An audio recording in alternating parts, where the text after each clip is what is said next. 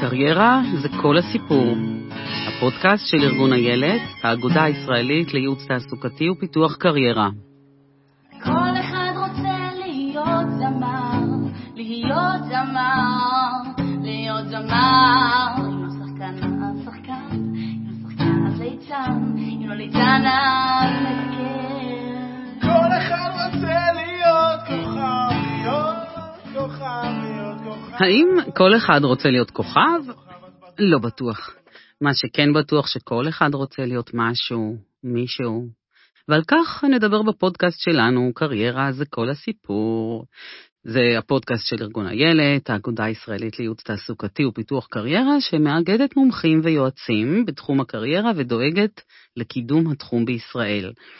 אתם מוזמנים אגב להיכנס לאתר שלנו ולהכיר אותם. אני ענת, רונאל מטלון, בעצמי עוסקת בתחום הקריירה הרבה שנים, אני יועצת, מנחת קבוצות, חוקרת, כותבת וגם מתלבטת, ובעיקר סקרנית. והיום אנחנו בפרק 12 נדבר על איך לבצע שינוי קריירה אפקטיבי במגבלות של צורכי פרנסה ומשפחה. והאורח שלנו הוא חגי שלו, מאמן עסקי ולשינוי קריירה, סופר ומרצה. היי חגי. שלום ענת. וגם הבאת נועץ בעבר שלך, אירון וינר, שעבר אצלך תהליך לפני כמה שנים, ומאז הוא עשה כבר כמה שינויים. היי אירון. שלום ענת. נשוחח איתך בהמשך. ונתחיל איתך חגי. היום במיוחד אחרי פסק הזמן שיצרה הקורונה, רבים שוקלים לעשות שינוי בקריירה. אבל מפחדים, לדעתך כל אחד יכול לבצע שינוי? לדעתי התשובה היא כן. העולם מלא באנשים רגילים שעשו דברים בלתי רגילים. ואנחנו יודעים שהיכולת שלנו לעשות דברים שנראים קשים, בלתי אפשריים וכולי וכולי, היא קודם כל נעוצה בצד המנטלי שלנו.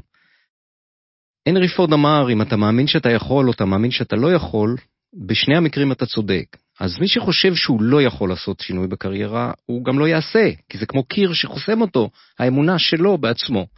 ומי שחושב שכן, מתחיל לחפש, מתחיל לנסות. יש הרבה אה, פרדיגמות אה, על כל הנושא הזה של שינוי קריירה, אתן לכם למשל דוגמה, רוב האנשים חושבים בהכל או לא כלום. ושום דבר בחיים זה הכל או לא כלום. הכל זה מרתון, זה לא ספרינט. ואנשים שחושבים בהכל או לא, או הכל או לא כלום, הרבה פעמים הכל זה מאתגר, זה קשה, זה רחוק, זה... ולכן הם מוותרים. עוד אמרה יפה של וורן גרשס, זה אנשים לא נכשלים, הם פשוט מפסיקים לנסות. נכון. אז בכל זאת, מי לדעתך יכול לעשות שינוי? אני חושב מה ש... מה מאפיין את אלו שבעצם יש להם את האומץ הזה? אני חושב שהדבר הראשון שמניע שינוי, כל שינוי אגב, לא רק בקריירה, זה כאב. כלומר, אנשים אפילו סובלים. גם אני הייתי שם. בשנת 2005, סבלתי, ואני הבנתי אישית שאם אני לא עושה שינוי, אז אני מת, ליטרלי. וגם מאבד את מקור פרנסתי, כי הייתי בכזה חוסר חשק שהיה ברור שמתישהו גם יפטרו אותי. ולכן, אנשים שהם במיקוד שליטה פנימי, אנשים שהם לוקחים את המושכות של החיים שלהם בידיים, אנשים שמבינים שהם אלו שיוצרים את החיים שלהם. יש נסיבות, קורים דברים מסביב, אבל בסופו של דבר הבחירות שלנו הם אלו שמשפיעות הכי הרבה. אנשים כאלו לא מוכנים להסכין עם כאב. תסביר למי של אולי לא כל כך מעורה בז'רגון הזה של הקואוצ'רים וזה, למיקוד שליטה פנימי וחיצוני. זה נורא פשוט, מיקוד שליטה חיצוני זה מצב של קורבנות. זה מצב שבו אה, מה שקורה לי לא תלוי בי. חלקית זה נכון, כי תמיד קורים דברים שלא תלויים בנו. מצד שני, המיקוד שליטה פנימי, שזה הפוך מקורבנות, אומר שאולי אני לא שולט בנסיבות, בדברים שקורים מסביבי, אבל תמיד יש לי בחירה איך להגיב אליהם. ובכל מצב הכי קשה, תמיד אנחנו יכולים לבחור אה, משהו כדי להתמודד עם הדברים, וגם הרבה פעמים לצאת ממשברים. תספר קצת על השינוי שאתה עשית.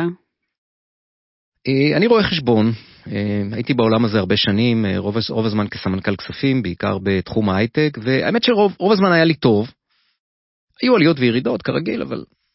ובאיזשהו שלב, זה התחיל ככה ב-2002-2003, התחלתי להרגיש שובע, שחיקה, שעמום.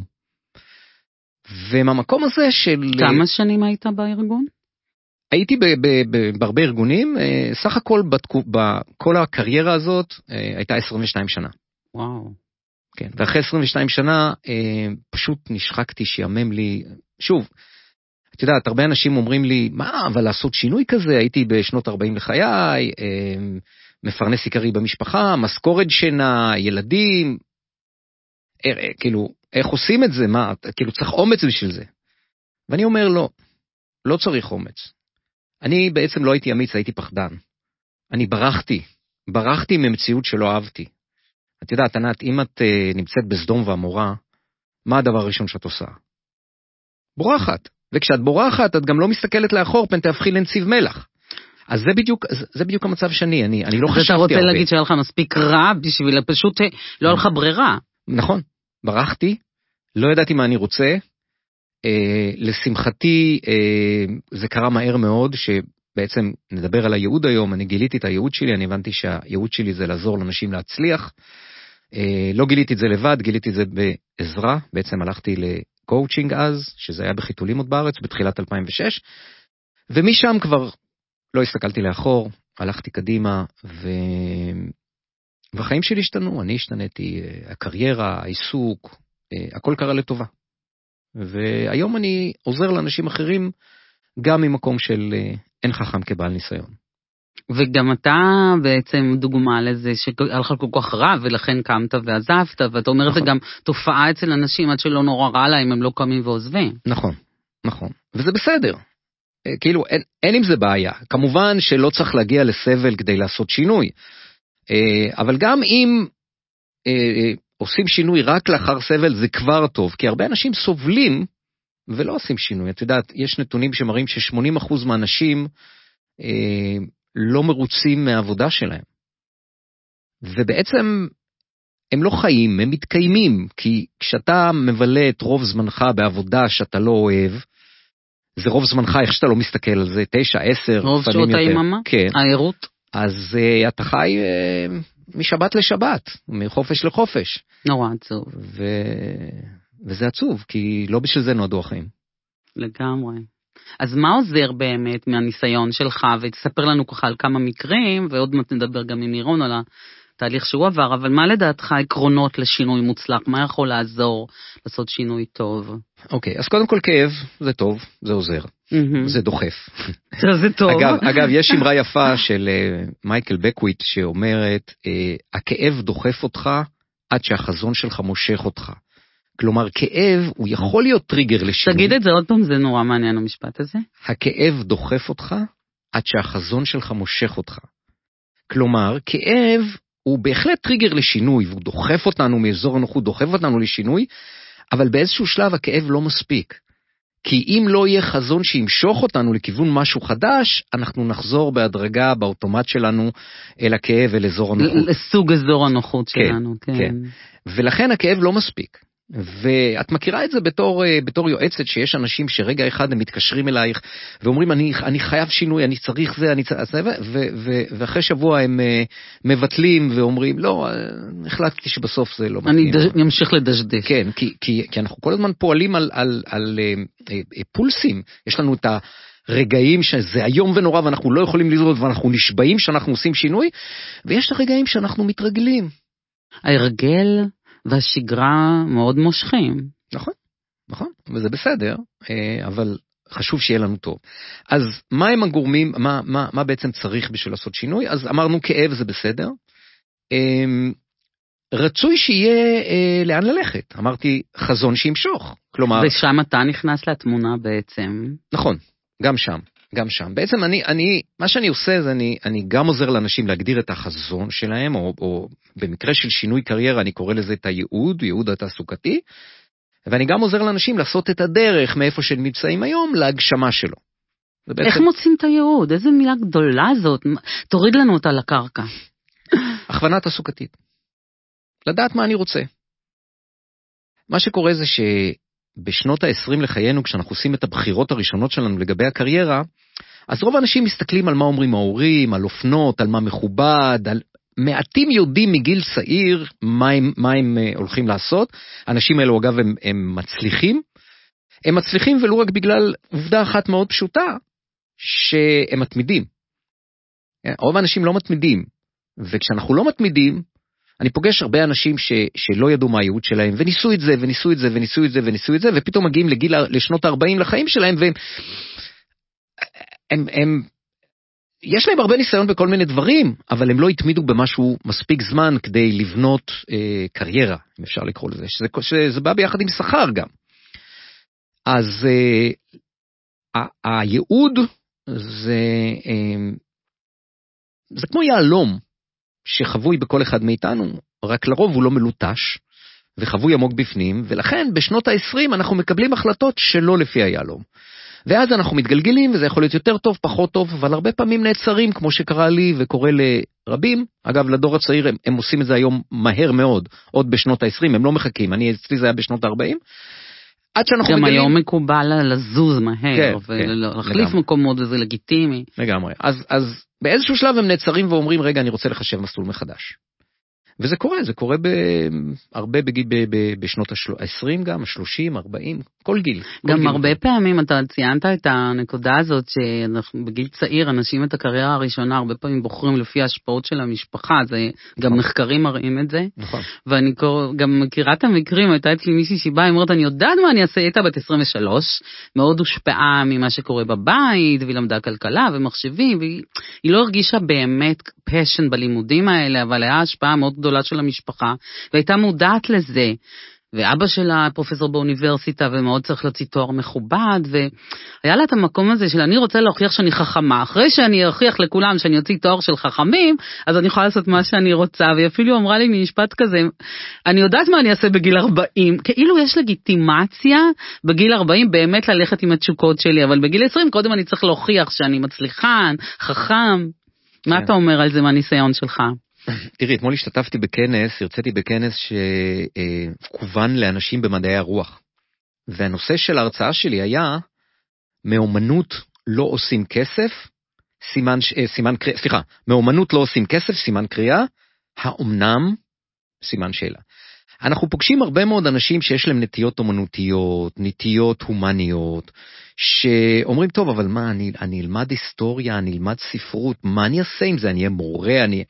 אפשר לעשות הרבה דברים, ואנשים בשנות ה-20 מוותרים על נטייה טבעית, מדחיקים את זה, כדי להיות בסדר, במרכאות, מקובלים, מצליחים, או איך שהסביבה אה, תראה אותם בצורה אה, אידיאלית, וזה לא עובד.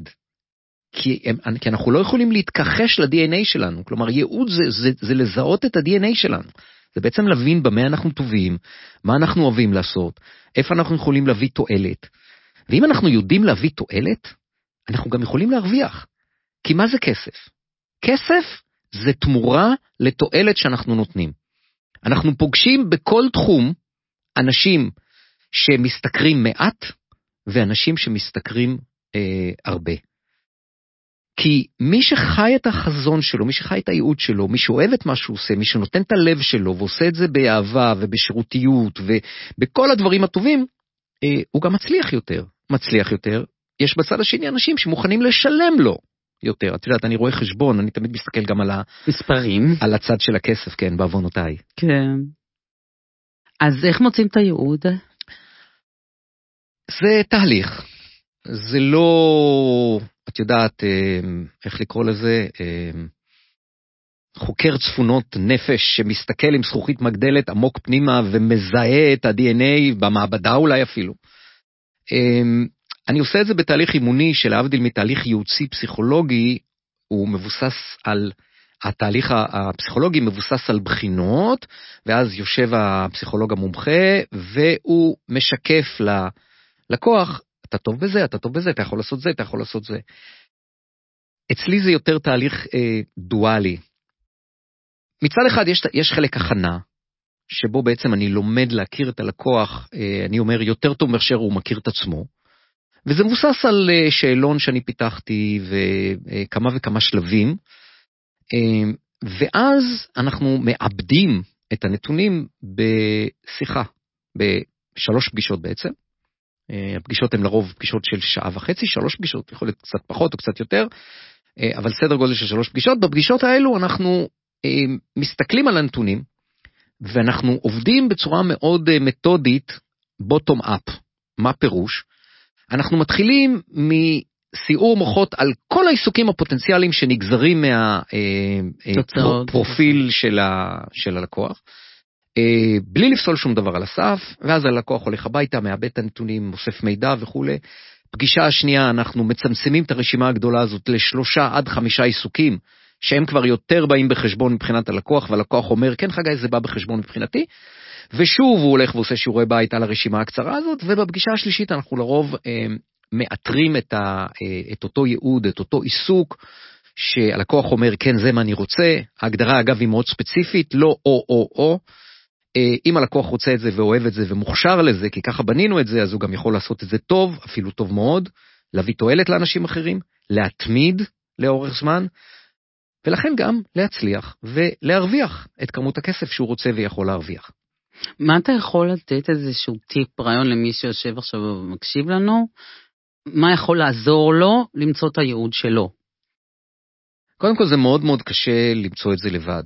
אני פוגש הרבה אנשים שלפעמים שנים התחבטו ולא הצליחו, ואז בתהליך קצר של אה, אצלי זה שישה עד שמונה שבועות בממוצע, אפשר לעשות את זה. אז, אז חבל, זה לא תהליכים ארוכים, זה לא תהליכים יקרים.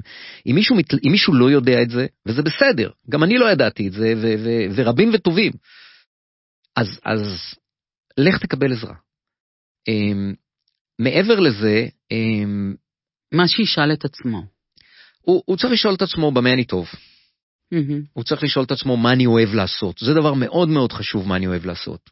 כי את יודעת, אה, קונפוציוס אמר, קח את התחביב שלך, תהפוך אותו למקצוע, ולא תצטרך לעבוד יום נוסף בחיים שלך.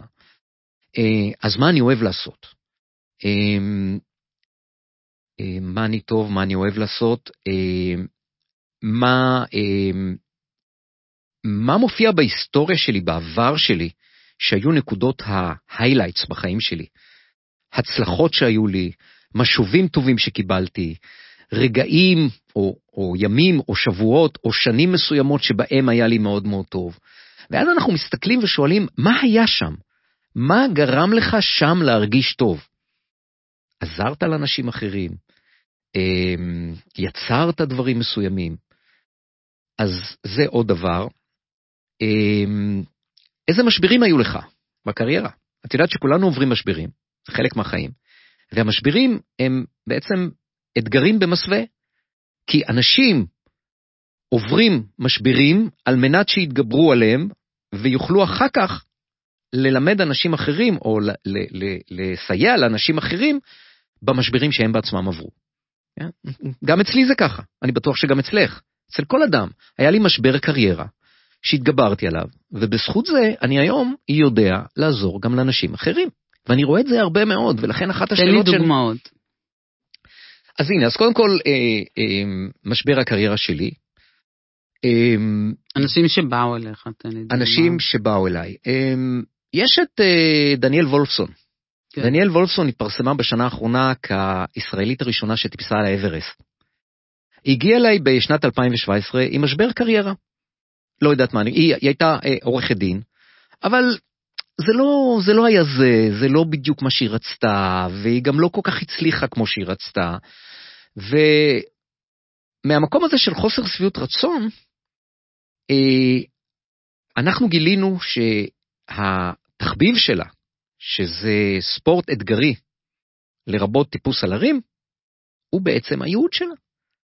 כי היא נועדה להגשים אה, דברים מאתגרים שנשים בדרך כלל לא עושות או עושות פחות, על מנת לשמש השראה לנשים אחרות להתמודד עם לא יודע אם לקרוא לזה אפליה נשית, או את, את יודעת, אה, לא מזמן התפרסם שהמשכורות, ב... אני לא זוכר איפה זה היה בשירות המדינה או משהו כזה, שנשים הן נוחות יותר. Okay? יש דברים שלא בהרבה יעלו על... מקומות. כן, זה לא יעלה על הדעת. אז ב-2017 הגדרנו את. את הייעוד שלה כמטפסת הרים, לכבוש את שבע הפסגות הגבוהות בעולם, לא רק בשביל האתגר שהיא אוהבה את זה ו- ועסקה בזה גם ברמה מסוימת קודם לכן, אלא בעיקר למנף את זה משם, לתת השראה להרבה נשים אחרות. אבל היא ו- יכולה להתפרנס מזה? מדוע לא? מה, היא מתפרנסת את- מזה? את מכירה את פסקל ברקוביץ', שמעת שם? כן. היא ספורטאית פראולימפית, אה, של סיפור של נחתכו לה רגליים בתחנת רכבת בצרפת שהייתה נערה, והיא מרצה בחסד. ו... כן, יש, יש, יש הרבה אנשים, ש... לא בתקופת הקורונה, אבל אה, כן, יש אנשים ש... שבהחלט אה, מתפרנסים מזה.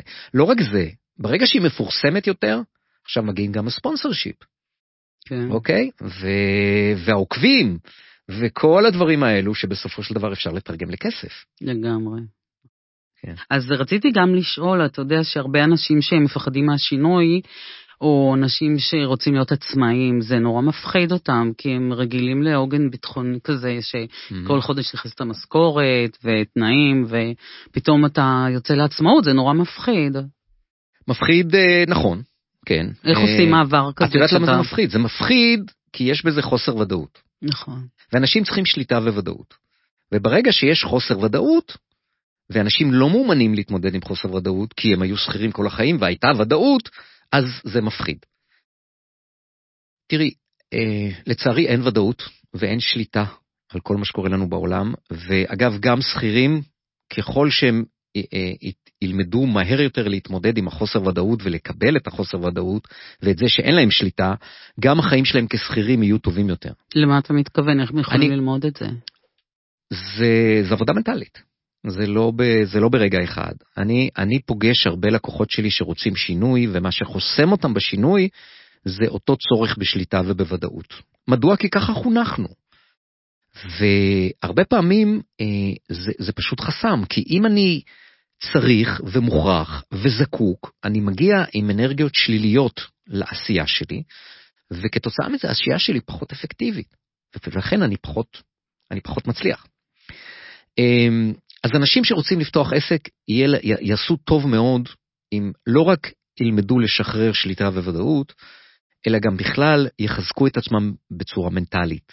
כי כשאנחנו נמצאים במקום אמ, חדש, בסיטואציה חדשה, אה, אחריות פתאום חדשה, פתאום הכל עליי, אז ככל שאנחנו יותר חזקים מנטלית, כלומר יודעים להתמודד עם הקשיים, עם האתגרים, ככה אנחנו גם מצליחים יותר. כי כמו שאמרנו, אנשים לא נכשלים, הם פשוט מפסיקים לנסות. אז, נכון. אז, אז, אז זה דבר אחד. אה, דבר שני, כשמישהו רוצה אה, להפוך להיות עצמאי, אה, חשוב לו לדעת מה הוא רוצה. מה הוא רוצה ברמה של ייעוד, ברמה של חזון. אה, אני פוגש אנשים שכל שנתיים שלוש היה להם עסק אחר. וזה לא טוב, זה לא טוב, כי כל עוד אני, זה, זה לא מגיע מבפנים, אין לי שם תשוקה, אין לי התלהבות, אז קשה לי להתמיד. יתרה מזאת, אה, אם, אם זה לא מגיע מבפנים ואני הולך אחרי הכסף, אז הכסף הוא חשוב והוא מניע, אבל הוא לא מניע אה, בר קיימא, הוא לא, הוא לא מניע לאורך זמן. ולכן חשוב לדעת לאן אני רוצה ללכת, חשוב לדעת מה הייעוד שלי, חשוב לדעת מה אני רוצה להגשים, לא רק בשנה, שנתיים הקרובות, אלא גם בצורה של ראייה ארוכת טווח. שמגיעים אליי להכוונה תעסוקתית אה, חבר'ה צעירים בשנות ה-20, גם בשנות ה-30, אנחנו בונים אסטרטגיה לקריירה, אוקיי? כדי שלא רק ידע מה הוא עושה עכשיו, בשנים הקרובות, אלא גם, גם הלאה. אז חשוב לדעת מה אני רוצה לעשות, אה, חשוב לעשות תוכנית, הרבה לא עושים תוכנית, כולל לא מגדירים חזון ולא עושים תוכנית, ויוצאים לדרך ומתגלגלים, לא מתגלגלים. טוב, לא טוב. תוכנית עוזרת לנו להכניס, במקום שאין ודאות, עוזרת להכניס קצת יותר ודאות, וזה תמיד טוב. אמ, אנשים שרוצים לפתוח עסק, גם, איך אני אגיד את זה, אה, מעבר, מעבר להתפתחות האישית שלהם, הם גם אה, צריכים לחלק את הדרך לחלקים קטנים. כי דיברנו על זה קודם, הכל או לא כלום, לא, זה לא הכל או לא כלום, זה חלקים קטנים. ואת הצעדים הראשונים בפתיחת עסק אפשר לעשות בכלל במקביל לעבודה, שאין בזה שום סיכון. זאת אומרת, לא לעזוב את העבודה לא עדיין. ובמקביל להתחיל את העסק. נכון, נכון, פשוט להתחיל את העסק במקביל, אולי זה יצריך תקופות אה, מאתגרות, יהיה פחות זמן לתחביבים ולכל מיני דברים, אה, אבל את יודעת, כשאנחנו עושים את מה שאנחנו אוהבים, זה לא עבודה, זה כיף. מהמם. ואנשים שיודעים מה הם רוצים ויש להם את ההתלהבות ואת החזון, אז עושים את זה. תראי, אני אתן לך דוגמה. אה, אני היום סטארט-אפיסט. ביחד עם הבן שלי, אנחנו לוקחים את השיטה שאני פיתחתי לבצע שינויים, שאני כבר עובד איתה 15 שנה עם אנשים, בהצלחה גדולה, ואנחנו מעבירים אותה לעולם הדיגיטלי, או ליתר דיוק למובייל. ואנחנו מפתחים אפליקציה שתעזור לאנשים להתמודד עם שינויים. בהתחלה זה מכוון יותר עסקית, לשינויים עסקיים, פתיחת עסק וזה, ו, ואני, ואני עובד על זה כבר שנה, ולו- ולוח הזמנים שלי מלא, ו, ו, ויש לי הרבה שעות והרבה דברים שמעסיקים אותי, וכולי וכולי, ו, ו, ומכיוון שזה מאוד חשוב לי, אז אני משקיע בזה. אני משקיע בזה, אולי לא כמו שהייתי רוצה, אבל אני משקיע בזה ואני מקדם את זה. ככה גם כתיבת הספר השני שלי, שכבר נמצאת בשלבים מאוד מאוד מתקדמים. הספר הראשון להתרגל להצליח, הספר השני מלכוד המצוינות. אמ, אמנם יוצא לי לעבוד על זה רק בסופי שבוע, אז מה, אתה עובד בסופי שבוע? לא, זה לא עבודה, זה זה כיף. כיף, כן, זה כיף, אני אוהב לכתוב.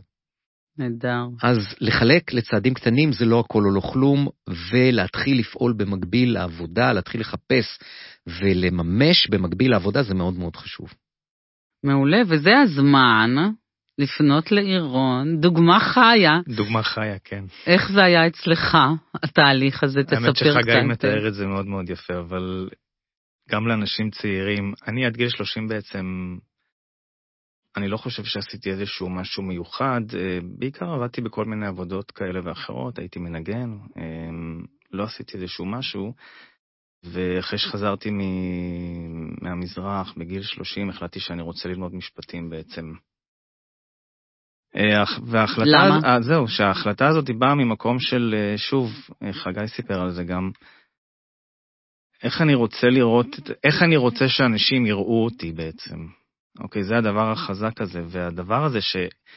זאת השאלה ששואל, שהרבה אנשים שואלים, איך בעצם אני רוצה שיראו אותי, ולא איך אני רוצה לראות את עצמי, זאת בעצם המחשבה שמביאה אותנו לפעמים למקומות שפחות מתאימים לנו בעצם. וכשאני הגעתי לחגי אחרי עשור שבעצם אני למדתי ועבדתי ועסקתי במשפטים, אז הייתי בעצם מה שנקרא חסר אנרגיה, כי כשאתה עושה איזושהי עבודה שמצריכה ממך המון המון אנרגיה, אבל לא מחזירה לך את האנרגיה שאתה היית מצפה לקבל מהעשייה שלך, אתה פשוט... אתה אה, הגעת אתה בעצם... פשוט מתכלה לאט לאט, זה מה שקורה. כמה שעסקת כבר בתחום הזה? עסקתי בתחום הזה, אני לא יכול אה, להגיד, התעסקתי בו ארבע שנים פחות או יותר.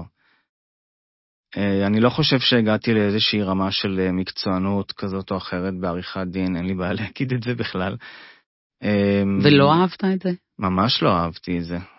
יש לזה גם סיבות, ואני גיליתי אותם בעצם אחרי התהליך עם חגי. כשהגעתי לחגי, אז באמת, איך שאני רואה את זה, לא יודע איך הוא רואה את זה, אבל הגעתי בתור בן אדם שהוא כבר ממש ממש צריך איזשהו שינוי. בעצם זה ההתחלה של ה... זה הפתח בעצם לכל שינוי. אתה צריך להגיע להבנה הזאת. אתה צריך להגיע להבנה הזאת שמשהו לא, לא במקום. שאתה צריך להגיע לשינוי הזה, שאתה צריך לעשות משהו, להחליף משהו במשהו אחר כנראה, כדי להגיע למצב שאתה חי את החיים האלה בצורה שאתה רוצה בעצם. אמ, כשהתחלתי לעבוד עם חגי, אמ, באמת אה, נכנסנו ככה יותר, חגי דחף את זה גם יותר ביוזמתי, כן, אבל יותר גם לעולם היזמות, אה, לפתיחות עסק, לכל מיני דברים כאלה שמאוד מאוד אה, קסמו לי וככה מאוד נתנו לי איזושהי אנרגיה חיובית לכל הדבר הזה. לא חשבת מלכתחילה שאתה רוצה להיות עצמאי? אני אגיד לך את האמת, אני, אני בן אדם מאוד עצמאי, ואני חושב שהיום אני יודע שחשבתי על זה תמיד. פשוט לא, לא, לא יכלתי לממש את זה בצורה מלאה. שוב, מאותם הפחדים האלה שתופסים אותנו, את יודעת, על הדרך. אמ, מה אני יכול לעשות? כאילו, איך אני בעצם, לאן אני מביא את עצמי בחיים האלה? הפחדים האלה, או הפחדים של uh, הכנסה, איך אני מתפרנס וכל מיני דברים כאלה, או קריירה, המילה הגדולה והמשוגעת הזאת, מה זה בכלל קריירה? Um, אני לא חושב, uh, אני לא חושב שיש לבן אדם איזשהו ייעוד אחד באופן כללי. והעסק שיש לי היום, שזה עסק לניקוי חלונות, שהוא שונה לחלוטין מכל משהו שחשבתי עליו, אבל uh, הגעתי אליו uh, מהסיבה הפשוטה ששאלתי את עצמי את השאלות הנכונות. אחד, זה מה אני אוהב לעשות, והשאלה השנייה ששאלתי, מה אני אוהב לעשות, מה אהבתי לעשות כשהייתי ילד. איך? איך? ו... תדגים. מה שאהבתי לעשות כשהייתי ילד זה פשוט להסתובב בחוץ. אמרתי, אוקיי, להסתובב בחוץ זה מאוד מאוד נחמד, איך אני מתרגם את זה גם לעסק, ובאותו זמן אה, הייתי באמת באיזושהי יזמות אחרת שהתחלתי אותה, והייתי צריך גם להתחיל להרוויח כסף מכל הסיפור הזה, יש לי משפחה. אמ, ושאלתי את עצמי את השאלה הפשוטה בעצם, איזה עסק אני יכול להקים בלי כסף? והתשובה באה מאוד מאוד מהר. ומאוד מאוד מהר גם אה, למדתי את התחום הזה. מאיפה זה... בא לך דווקא הרעיון הזה? מלמעלה, כמו שאומרים. לא, איזה יום אחד, כאילו, ראית מישהו, מאיפה זה בא לך? אני לא ראיתי שום דבר, אני באמת שאלתי את השאלה הזאת, איזה תחום אני יכול להיכנס אליו שמאפשר לי לעשות את הדברים שאני אוהב בצורה שאני אוהב, ושהוא מתחבר למי שאני, שזה להיות אה, בחוץ, לתת שירות, לא עבודה שהיא משרדית, לא חיפשתי טייטל, לא חיפשתי איזשהו סמל סטטוס, אין לזה שם, אין לזה שום דבר, זה ניקוי חלונות.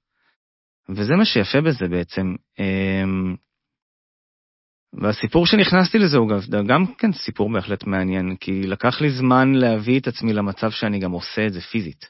ממש אמ, מביא את זה למצב שזה עסק שהוא קיים.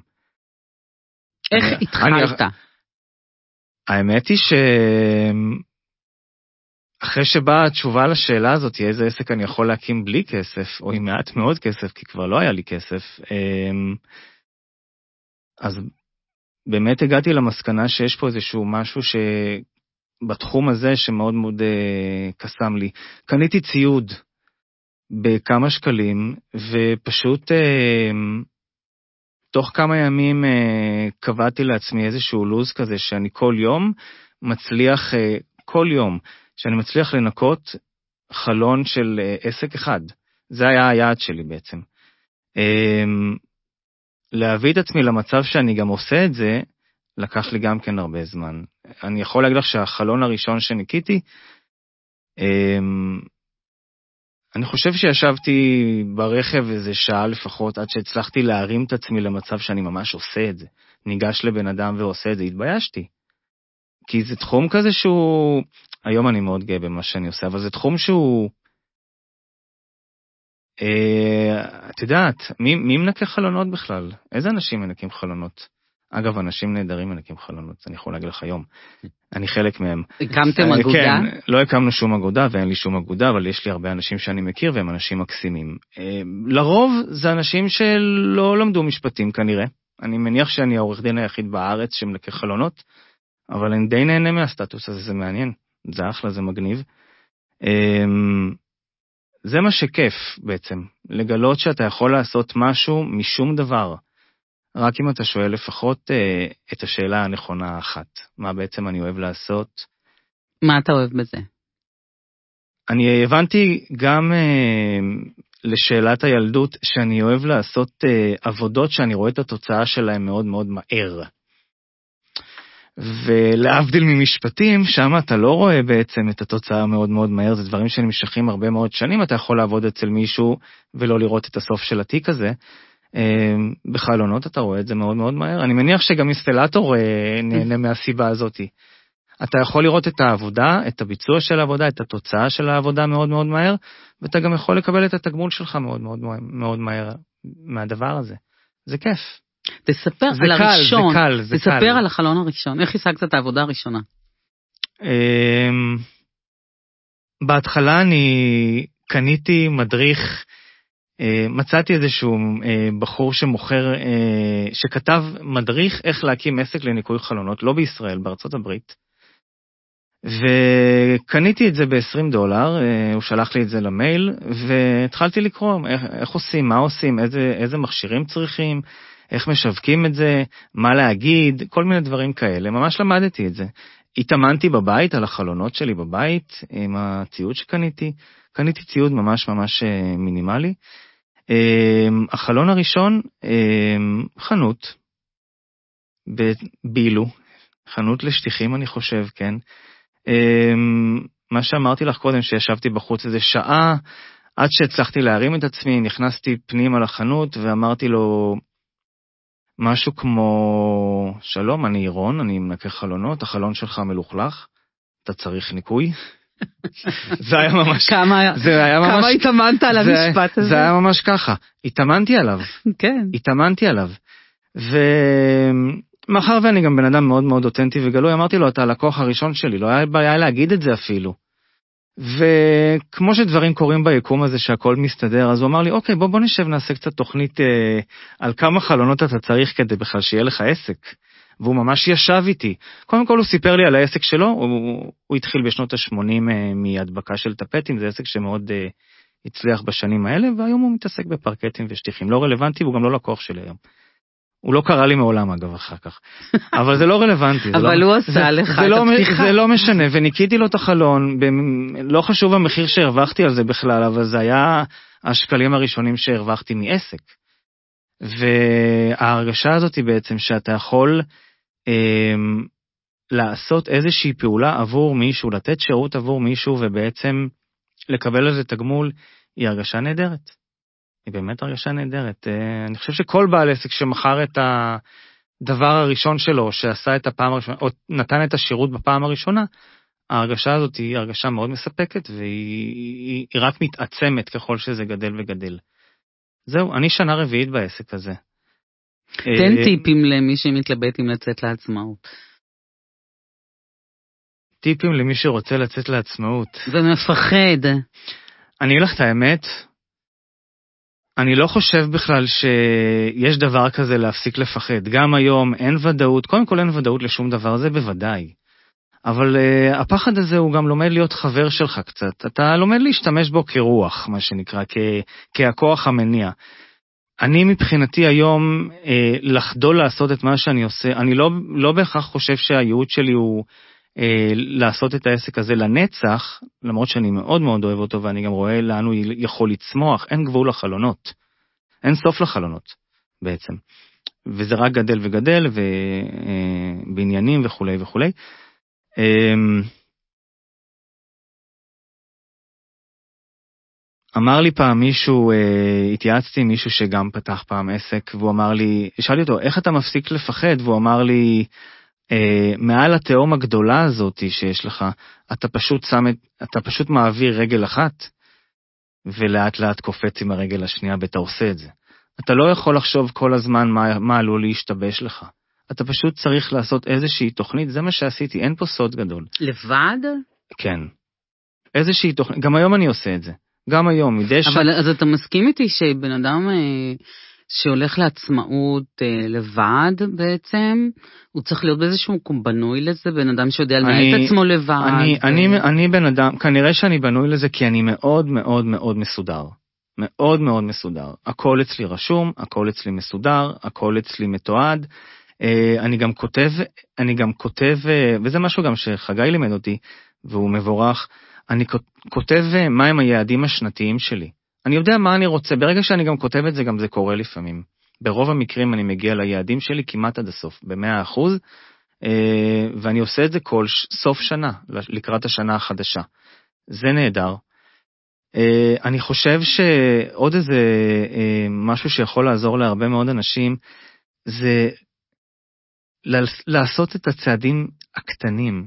כל יום משהו קטן שיכול לקדם אותך. הרבה מאוד אנשים מסתכלים על עסק ואומרים, הם מסתכלים על עסק אולי בסוף שלו, זה מאוד מפחיד להסתכל על עסק בסוף שלו, אתה לא צריך להגיע למצב הזה בכלל.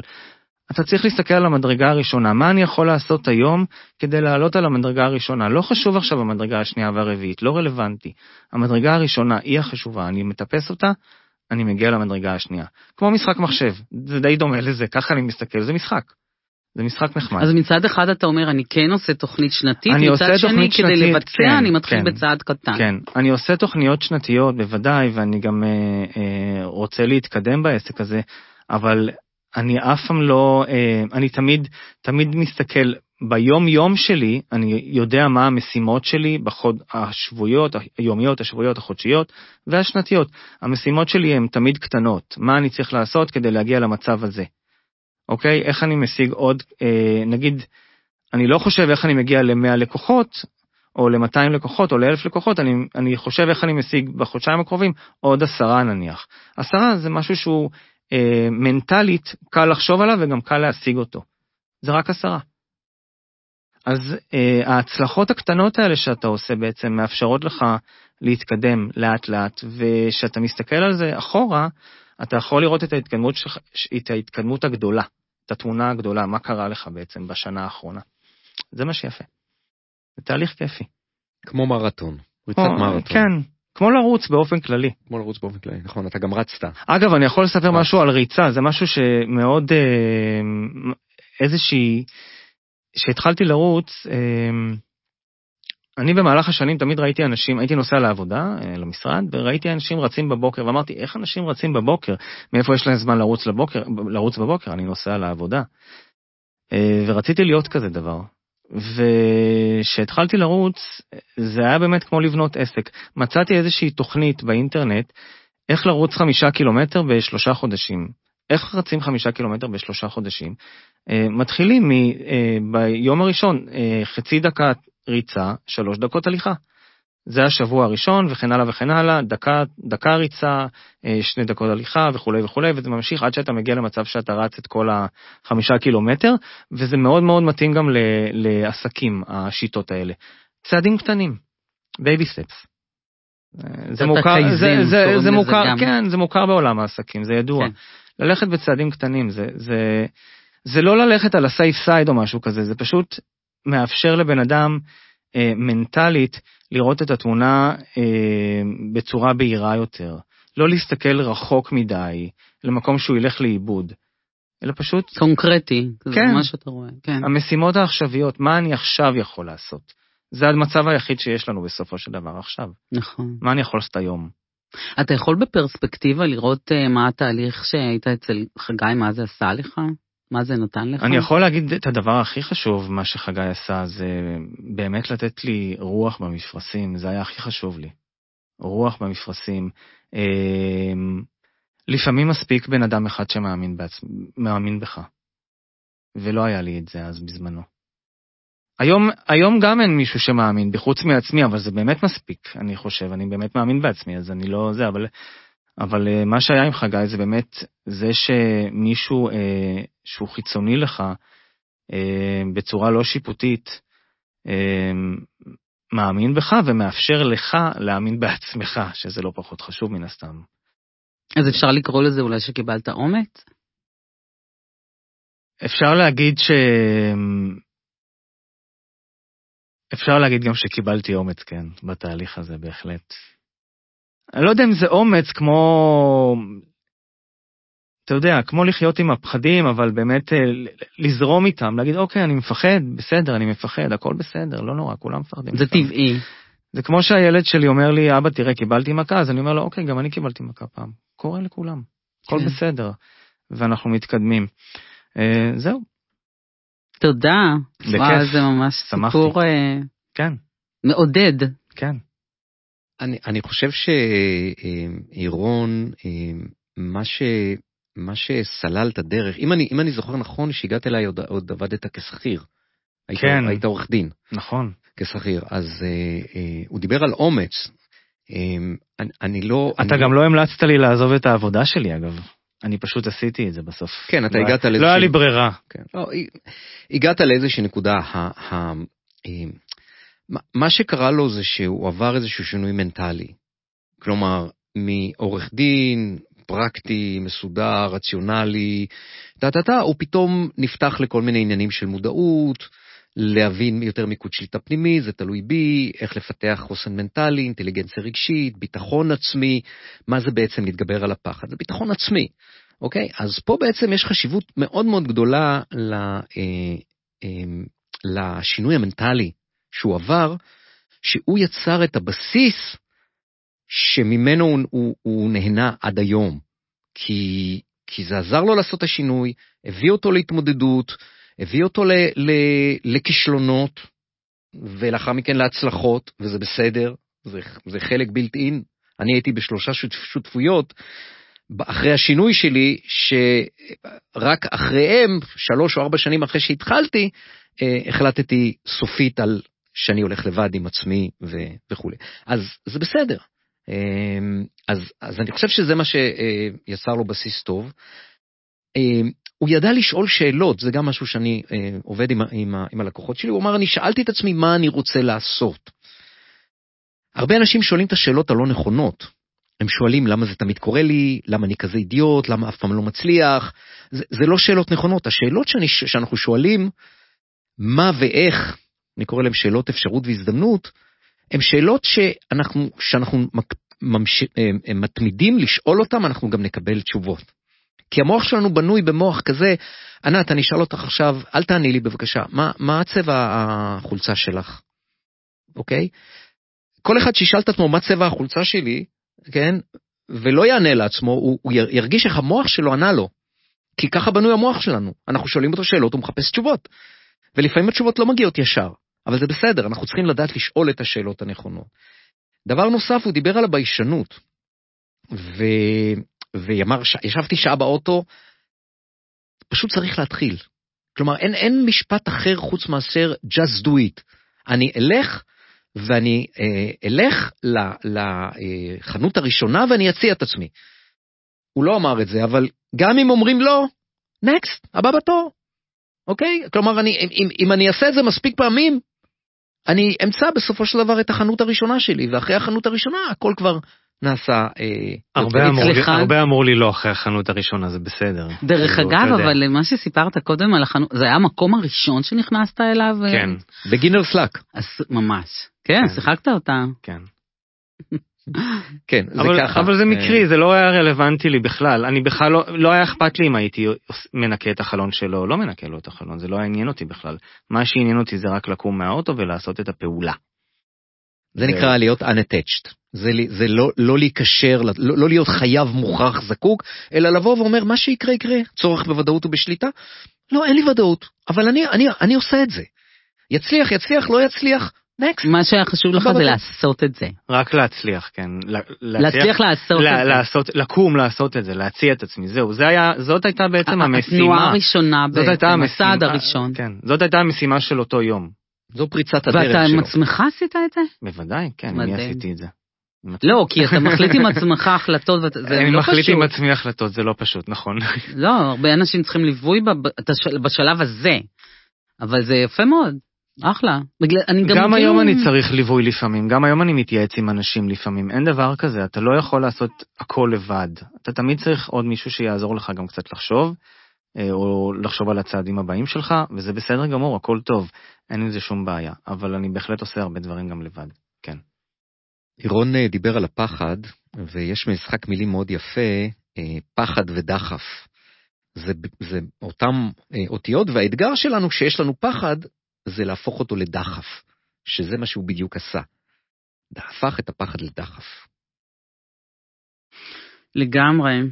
אז אה, שוב, אני בנושא הטיפים, אני מאוד רוצה שאנשים יצאו בעצם עם אה, תכלס אה, מההאזנה הזאת. אז תן לי, אני רוצה טיפים ודוגמאות. תן לי כמה סיפורים של אנשים שבאו אליך ומה עזר להם באמת לעשות את השינוי. אוקיי, okay, יש uh, לקוחה יקרה בשם רויטל יפת, שהיא הייתה uh, מנהלת נדל"ן מסחרי uh, באיזושהי חברה, לא חשוב, uh, והגיעה אליי אחרי שראתה איזה פוסט שלי, וכשאני uh, יושב בפגישה הראשונה ואני ככה מאבחן, אה, אז אני רואה שהיא אוהבת נדל"ן. אוקיי, את אוהבת נדל"ן, נהדר, מה לא טוב במקום עבודה? ואז צצים כל, ה, כל הקשיים, ומשם קל לראות שבעצם העתיד שלה הוא, הוא עתיד אה, אה, כבעלת עסק. עכשיו, היא חד-הורית, אה, נדמה לי שהילדה שלה גם עם איזושהי מגבלה, עובדת שכירה, חיה בשכירות, משכורת סבירה, אבל לא, לא מי יודע מה. איך, איך, איך, עושים, איך עושים שינוי מהמקום הזה?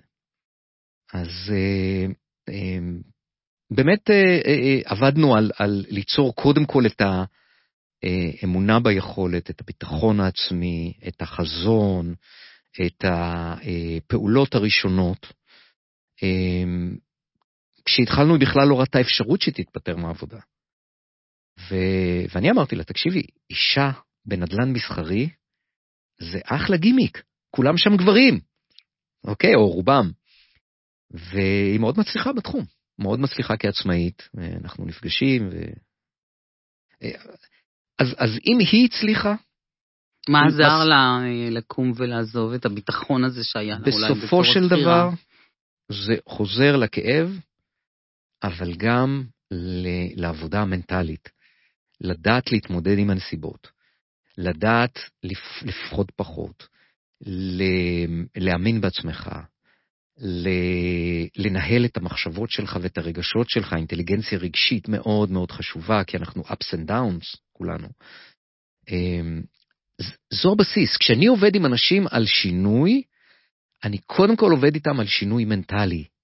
אני קורא לזה מערכת הפעלה אנושית, כי החיים זה אפליקציות.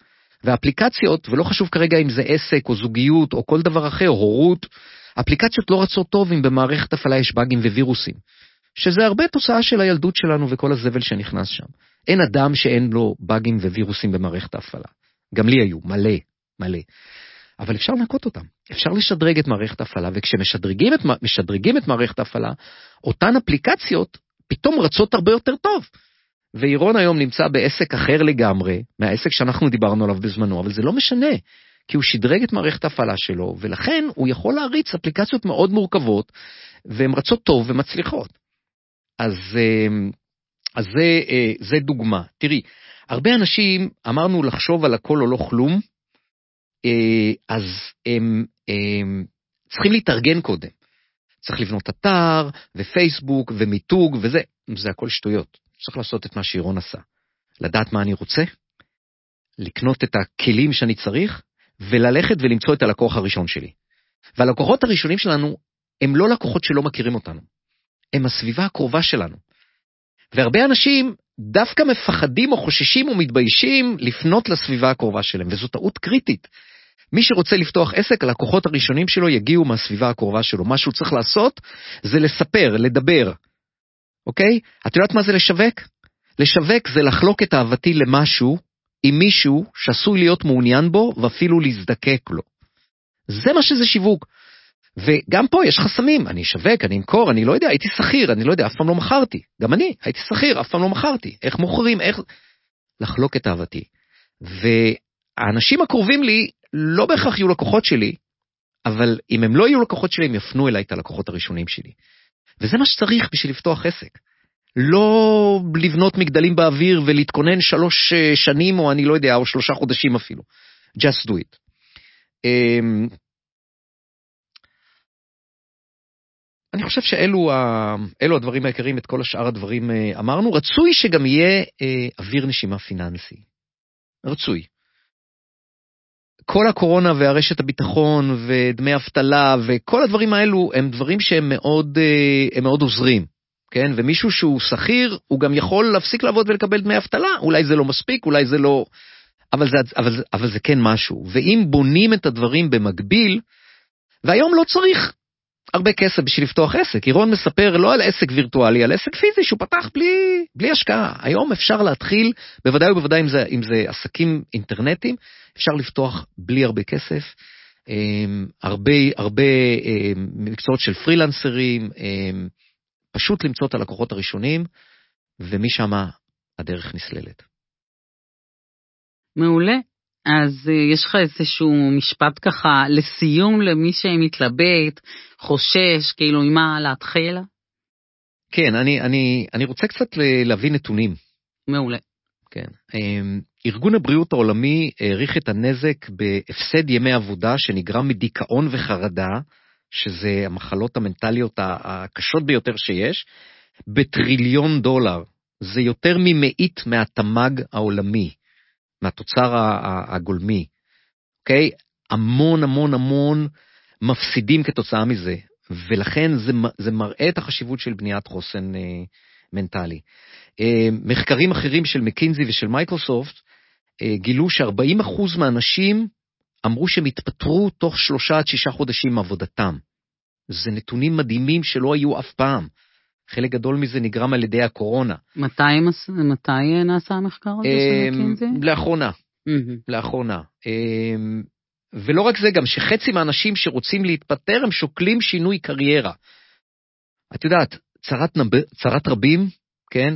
אז ברגע שאתה יודע שהרבה אנשים עושים את זה, יותר, יותר קל לך לעשות את זה. אפילו אה, אה, משרד התעסוקה, שירות התעסוקה בארץ, גילה שכמות המתפטרים הוכפלה ב-2020 ו-2021 בהשוואה לשנים קודמות. יש משהו בקורונה שאנשים יצאו מהמסלול שלהם, ופתאום מילים שתמיד היו והתגברו גם בשנים שלפני הקורונה, הפכו להיות מאוד מאוד במיינסטרים, אם אפשר לקרוא לזה ככה. מילים כמו אה, משמעות, מימוש עצמי, הגשמה, אה, לעשות טוב, אוקיי? אומרים הרבה על אה, הדורות הצעירים, אה, דור המילניום, שהם מפונקים. אני לא חושב שהם מפונקים, אני חושב שהם חכמים. אני חושב שהם, שהדרישות שלהם, של אני, החיים זה לא רק עבודה, של אני צריך לעשות עבודה שיש בה משמעות, אה, אני רוצה שיתייחסו אליי, אני רוצה שיהיה לי אופק התפתחות. כל הדברים האלו הם דברים שמאוד מאוד נכונים ומאוד מאוד אה, חשובים גם לה, להצלחה. כי, את יודעת, אנשים בדור שלי, תשים סכין בין השיניים, ומה שצריך אני עושה. אני זוחל איפה שצריך, אני, אני צריך לעבוד עד 12 בלילה, אני אעבוד עד 12 בלילה. למה? כי הצלחה בכל מחיר, לא משמעות, לא, לא כל מיני דברים הרבה, הרבה יותר חשובים. לפעמים באים אליי היום אנשים שאומרים לי, אני לא רוצה להרוויח יותר כסף, אני רוצה לעבוד פחות, מהמם. אני רוצה יותר פנאי. גם, משהו ש... הקורונה עשתה, הפסק זמן הזה שאנשים ישבו בבית וחשבו, זה הביא אותם באמת פתאום ככה אולי להעיז, לשנות, להגשים חלומות, כאילו, ואנשים לא מעיזים לקחת פסק זמן ביום-יום. נכון. פתאום לעצור את הכל ולהגיד, וזה אילץ אותם, מהמם. והגיעו פתאום, אולי זה הזמן לעשות את השינוי. נכון, וחלק זה נכפה עליהם בכלל. נכון, אז אה, על אחת כמה וכמה. כן. מעולה, אפשר- זה גם בסדר להגיד, כן. זה גם בסדר לשאול את עצמך את השאלה, מה זה הצלחה בשבילי? זה לא חייב להיות רק כסף, זה לא חייב להיות, את יודעת, זה יכול להיות הרבה דברים הצלחה בשבילי, כמו לעבוד פחות, זה גם הצלחה בשבילי, לדוגמה, לאנשים מסוימים. נכון. זה לא חייב להיות מתורגם בכסף, זה תמיד נשמע ככה, אבל זה גם יכול להיות אם איכות אני חיים. מצליח, יכול להיות, כן. 85% מהעובדים בעולם אומרים שהם אינם חשים מחוברים, באנגלית זה engaged, למקום עבודתם. לא מחוברים למקום עבודתם, הם הולכים לעבוד כי הם צריכים ללכת לעבוד, אבל אם תתני להם ברירה או אפשרות לעשות דברים אחרים, הם היו עושים דברים אחרים. כמה זה פוגע בתפוקה? כמה אדם שהוא, עובד שהוא חסר מוטיבציה, התפוקה שלו היא בעשרות אחוזים יותר נמוכה מעובד שיש לו את המוטיבציה.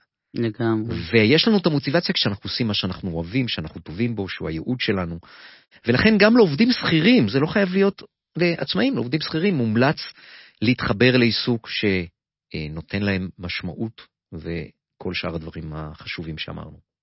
מעולה, אני ממש שמחה שהגעתם היום לכאן, ואני מקווה שכמה אנשים ששמעו אותנו קיבלו אומץ, ובאמת אה, ככה ללכת אחרי הלב שלך ולהגשים חלומות. וצריך רק לעשות את הצעד הראשון. צריך להתחיל, פשוט להתחיל. פשוט להתחיל. בלי סיכון. בלי סיכון, פשוט להתחיל, ומשם הדרך לאט לאט נראית. נסללת. כי אי אפשר לראות מתל אביב את חיפה. אוקיי? תגיע לגשר ותעבור אותו. ועוד גשר ועוד גשר ועוד רמזור ועוד ועוד. רמזור. מעולה. תודה רבה חגי ואירון שהגעתם לכאן, ובאמת סיפרתם לנו הרבה דברים מאוד אה, רלוונטיים, ואני מקווה שאנשים אה, באמת הפיקו תועלת מהשיחה שלנו, אז אה, שוב המון תודה. תודה לך, תודה על הבמה ועל תודה האפשרות. לך. כן.